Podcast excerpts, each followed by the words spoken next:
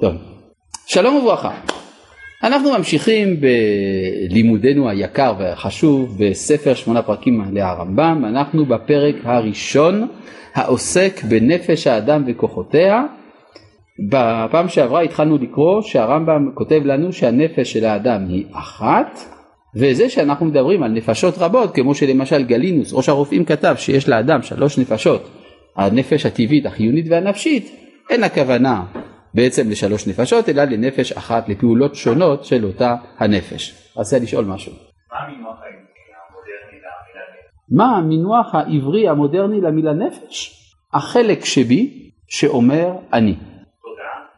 אפשר לקרוא לזה תודעה, אני לא בטוח, כי האני הוא קצת יותר רחב מן התודעה. יש לפעמים שהאני הוא מואר באלף או מואר בתודעה, לפעמים יש באני משהו רדום. למשל הפעולות של הגוף גם הם בכלל הנפש לפי הרמב"ם. בסדר? כן.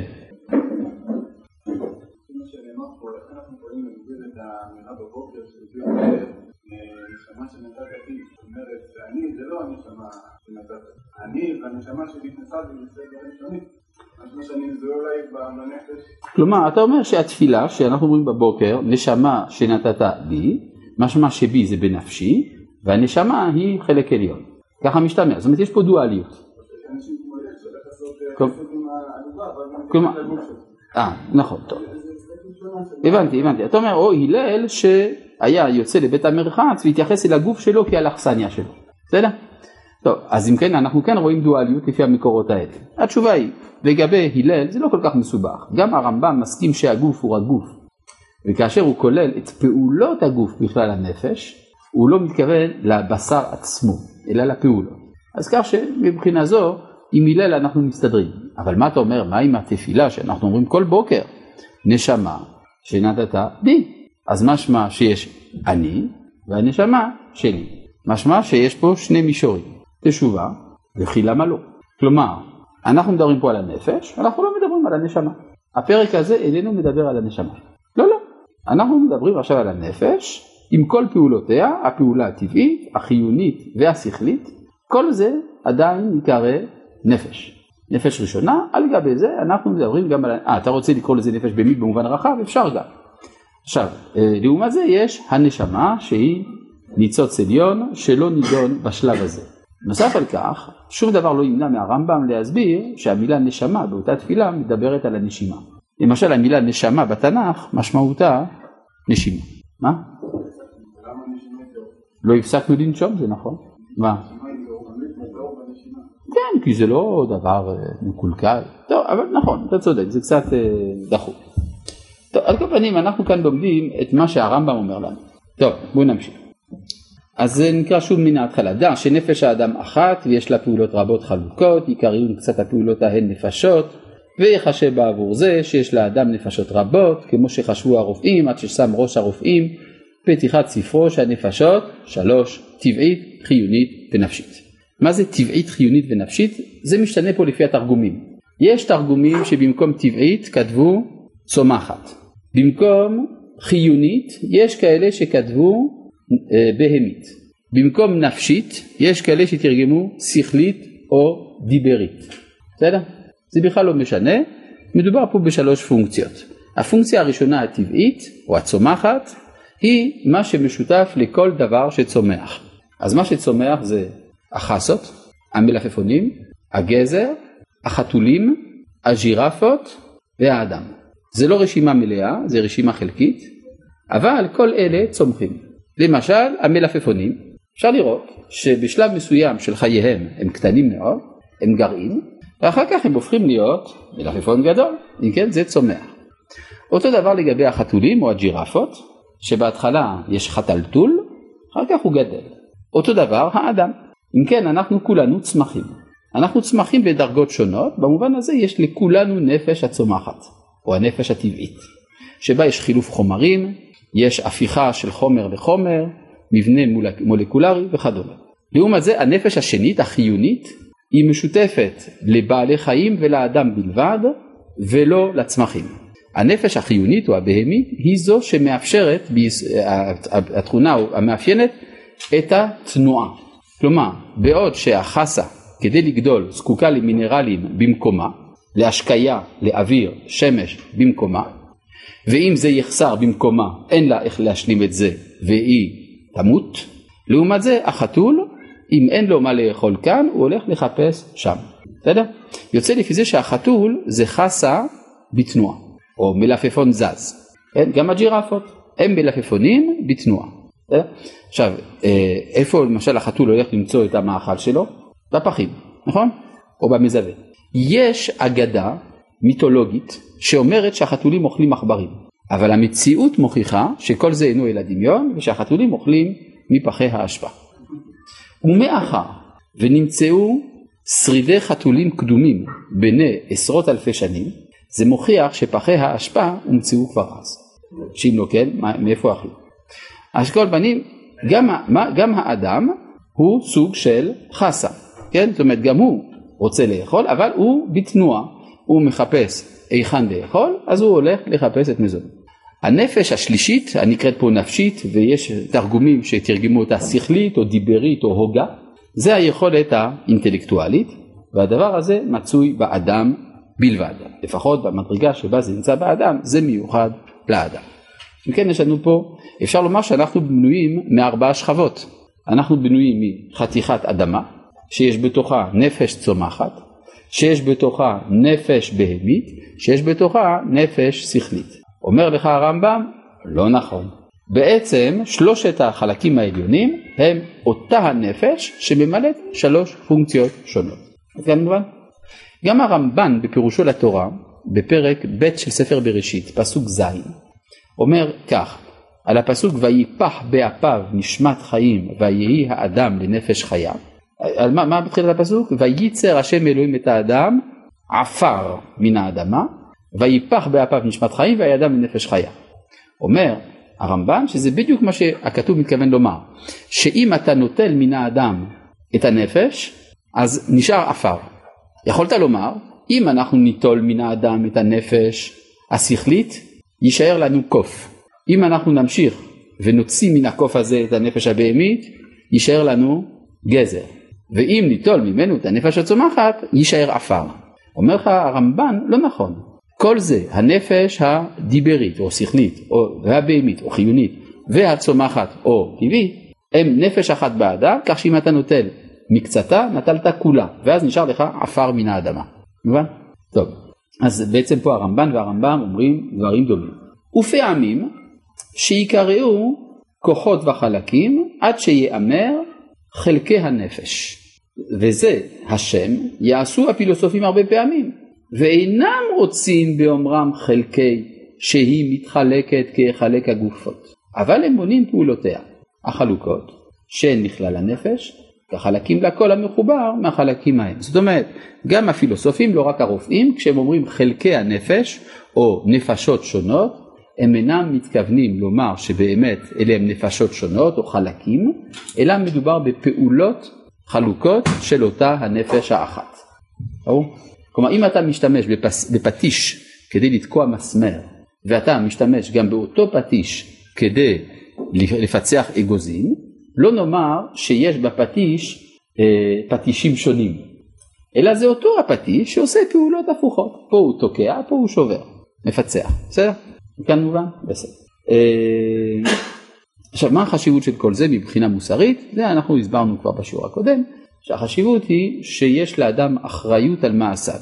לא יוכל האדם לומר מה שאני עושה בתחום הזה איננו נוגע לתחום הזה. למשל, יש הלכות מאכל, מה אוכלים מה לא אוכלים, נכון? כשרות מה שנקרא, כשרות המאכלים. התורה אומרת את זה תאכל, את זה אל תאכל. מה זה משנה? מה הקיבה שלי מכניסה לתוכה. אלא יש קשר בין חלקי הנפש השונים, זה נפש אחת, ואז אתה מה שאתה אוכל, ואז יוצא לפי זה שגם עולם המחשבות ועולם הרגשות שלך ועולם הדמיונות שלך יהיה מושפע גם מן הפעולה הפיזית. כן? אתה צודק. נכון, אתה צודק, נכון. פעולת הקיבה איננה רצונית, אבל הקיבה היא הקיבה שלי, ואני בעל רצון. כלומר, מה? לא אמרתי שיש עבירה על הקיבה, אבל אמרו לי כעבירה אל תכניס דבר זה לקיבה. אם, אם, אם נאנס, אז באמת תשאל השאלה האם זה יפגע בי או לא. ייתכן שכן, ייתכן שלא. אבל מה, ש, מה שמונח מאחורי זה, שהרי זה לא סתם שהציוו עליי לא לאכול דבר פלוני, סתם כדי שיהיה לי מה, במה להתעסק. כן? ברור שאם התורה אומרת את זה אל תאכל, הנחת היסוד היא שזה מזיק. יכול להיות שכדי שזה יזיק צריך עוד תנאים, למשל הרצון. אבל זה מזיק לגוף, ומתוך הנזק לגוף יש גם נזק לנפש. או, זה מה שאמרו שהאווירה מטמטמת ליבו של אדם וגם האכלות האסורות מטמטמים את ליבו של אדם. או.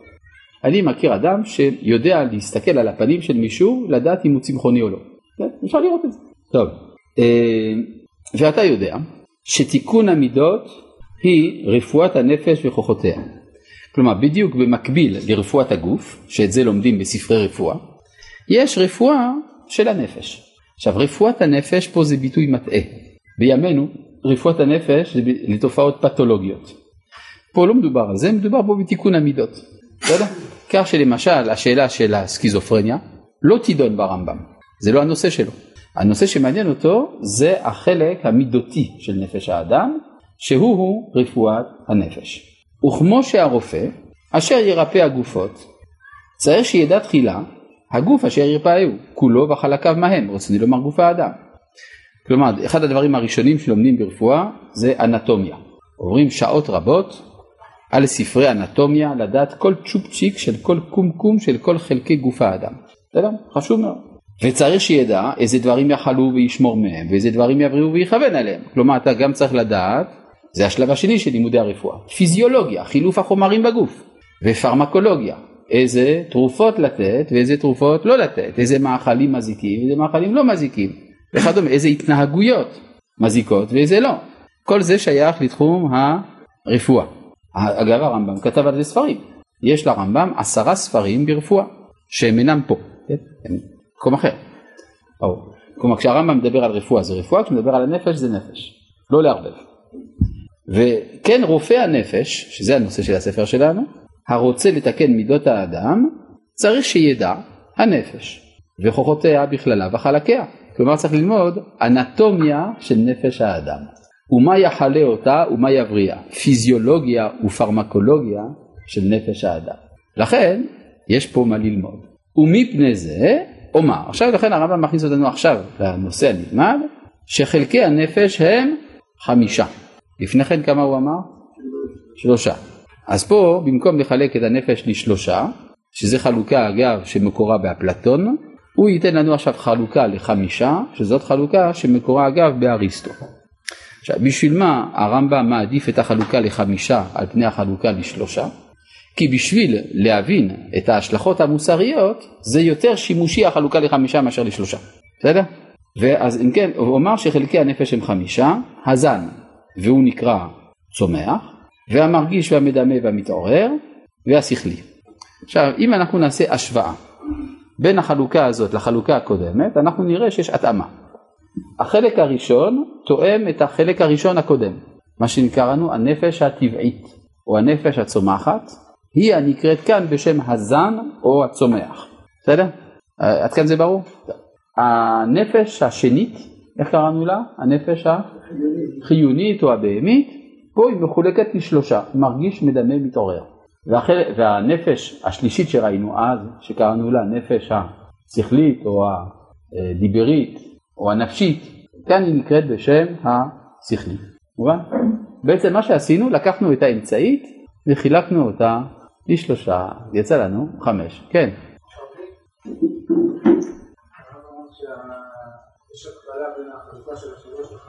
נכון. מרגיש מדמה מתעורר זה דבר שקיים אצל חיות?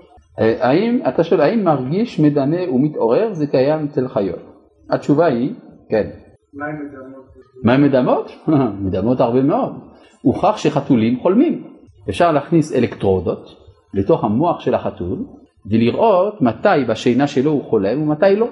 גם אתה גם בלי זה יכול לראות, סתם חתול ישן, שלפעמים אתה רואה שהוא כאילו תופס עכבר, תוך כדי שינה, כן? הוא עושה ככה, אז הוא רואה משהו, כן? אז יש דמיון גם אצל החיות. אגב, אם ניתן סמים לחיות, גם הם יתחילו לחלוב על כל מיני דברים. יחשבו פתאום שהם פטריה או כל מיני דברים כאלה. זה בהחלט אפשרי. יש אפילו הפרה המשוגעת, שמעת על זה. טוב. ודאי, כל אדם שגידל קצת חיות יודע שיש עולם שלם של רגשות אצל בעלי חיים. יש, כן. אולי שכל אין, אבל רגשות יש. כן. אז זאת אומרת שיש לנו כאן חלוקה של אה, זן מרגיש, מדמה, מתעורר ושכלי. אולי ניתן לזה תרגום מודרני. אחת הבעיות שיש לנו בספר שמונה פרקים לרמב"ם זה שמדובר במילים שמקורן בדרך כלל ביוונית, שתורגמו לערבית, שתורגמו לעברית של זמנו של הרמב"ם, של משפחת אבן תיבון, ואנחנו צריכים לתרגם את זה לעברית מודרנית. כלומר, ההבנה של המושגים זה עובר ארבעה שלבים, יוונית, ערבית, טיבונית, עברית מודרנית. אנחנו מסתבכים הרבה, וכאן יש כמה טעויות שנולדו אצל לומדי שמונה פרקים רק בגלל בעיות של תרגום. אני אביא לכם למשל דוגמה. המילה מתעורר, שהוא כותב כאן, בעברית מודרנית קוראים לזה רגשות. כן? המילה מתעורר פירושה רגשות. והמילה מרגיש בעברית מודרנית זה חושים. חושים. חוש השמע, הרעות, המישוש, הריח והטעם, זה נקרא מרגיש. רק בעברית מודרנית לא קוראים לזה מרגיש, קוראים לזה חושים. או. אז אם אנחנו נעשה תרגום עכשיו, החלק הזן, נקרא לזה הפיזיולוגיה או חילוף החומרים, המרגיש, אנחנו נקרא לזה חושים, מדמה זה הזיכרון והדמיון, המתעורר זה הרגשות, והשכלי זה השכלי. דווקא בזה העברית המודרנית שמרה על המינוח הקדום. עד כאן, עד כאן ברור? טוב, יפה מאוד. אתם תראו שיש עוד בעיות תרגום בהמשך, אבל למה להקדים את המאוחר? אנחנו נקבל קצת הפתעות בדרך. טוב. עכשיו כאן, במקום להמשיך, הרמב"ם עושה איזושהי הפסקה, הוא דן כאן באיזה דבר צדדי לכאורה. וכבר הקדמנו בזה הפרק, שדברינו אינם אלא בנפש האדם. אין כתוב כאן רק, אבל רק פירושו אלא. כן, אנחנו מדברים רק על האדם כי כוח המזון שיזון בו האדם אינו ככוח המזון שיזון בו הסוס והחמור.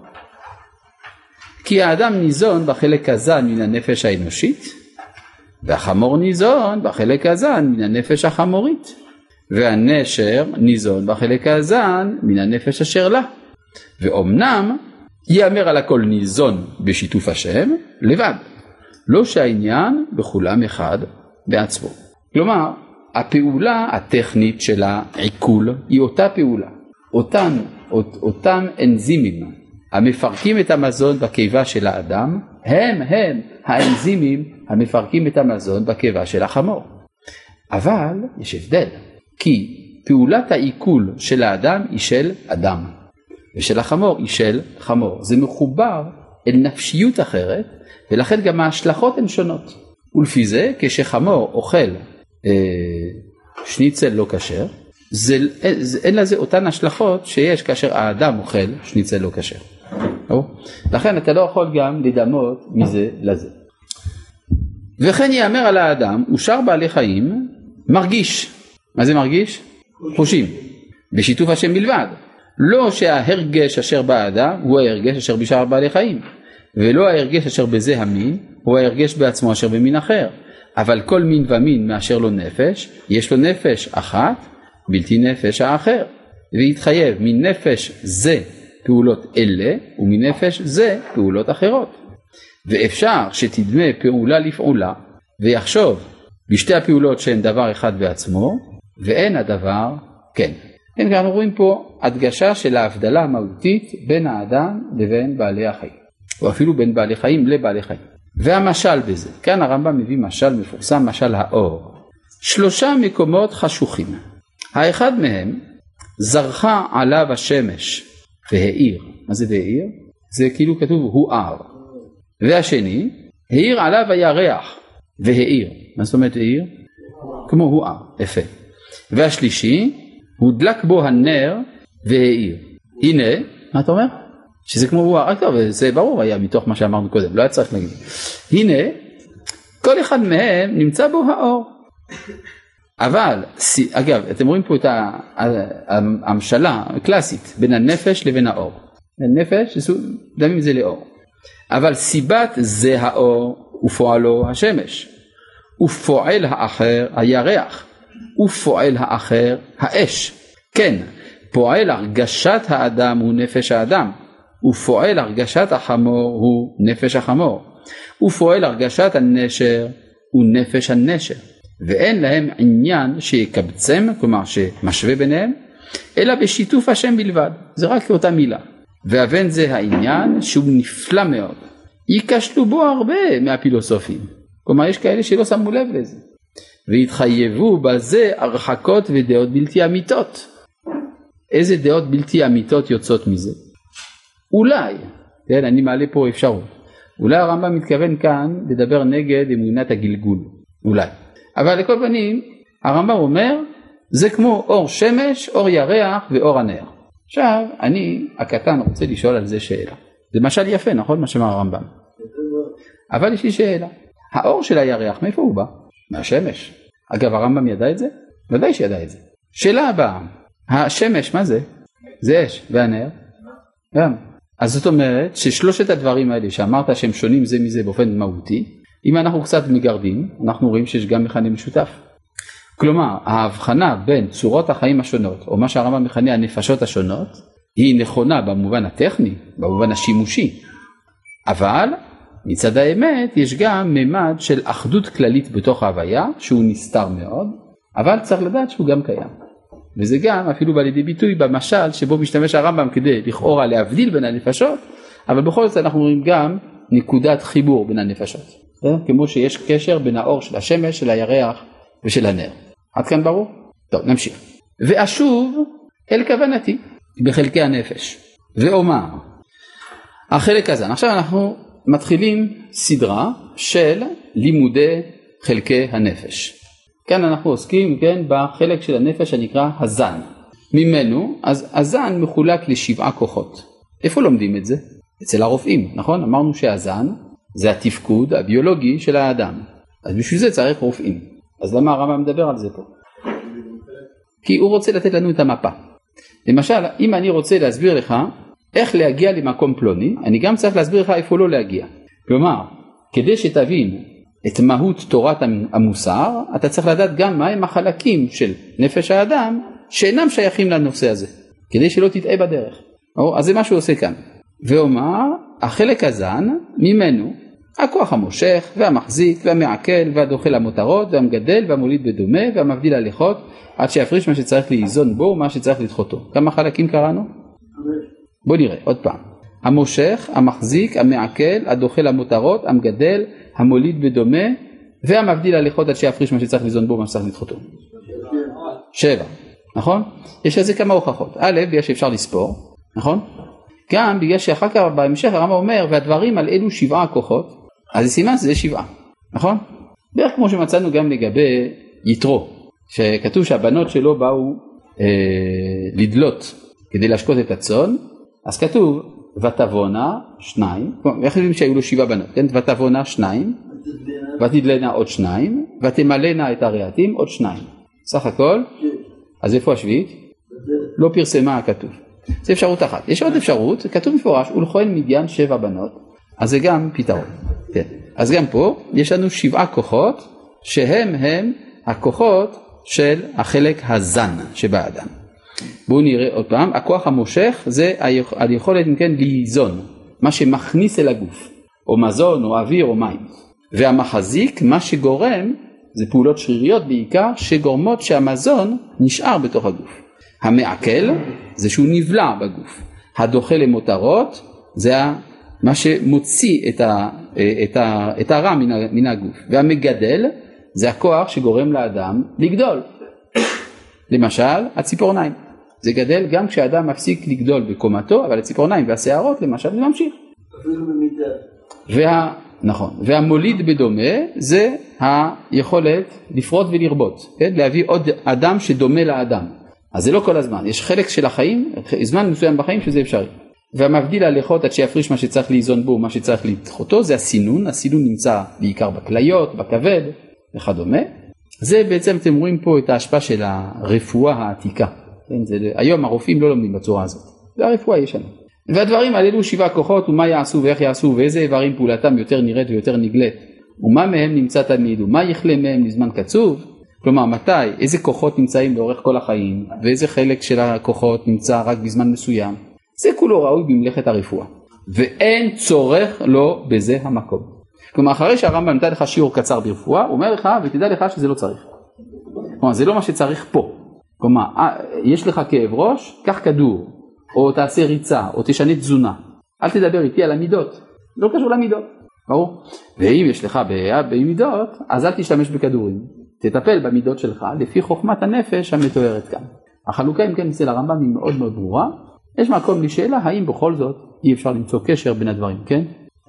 כלומר האם אי אפשר בכל זאת לראות איזושהי השפעה של תורת המידות על תורת הגוף והגוף על המידות, כן. שאל נא. כועסים, עצבניים או מתוחים, וכאלה דבר משפיע על המערכת שלהם. ודאי, ודאי. כן, הרמב"ם לא אמר שאין אינטראקציה, אבל כל דבר הוא צריך קודם כל לדעת איפה הוא נמצא, בסדר? כן, זאת אומרת היום יש נטייה הוליסטית, ויכול להיות שיש לרמב"ם איזושהי אינטואיציה שזה כן כך, שהרי בכל זאת הוא דיבר על זה. טוב, עד כאן להיום, שלום. שידורים חיים, ארכיון שיעורים ענק, תוכניות לכל המשפחה, ערוץ הילדים. ערוץ מאיר מזמין אתכם צופים יקרים להיות שותפים בפעילות ולאפשר את הרחבתה. הצטרפו לידידי ערוץ מאיר. התקשרו עכשיו 02 646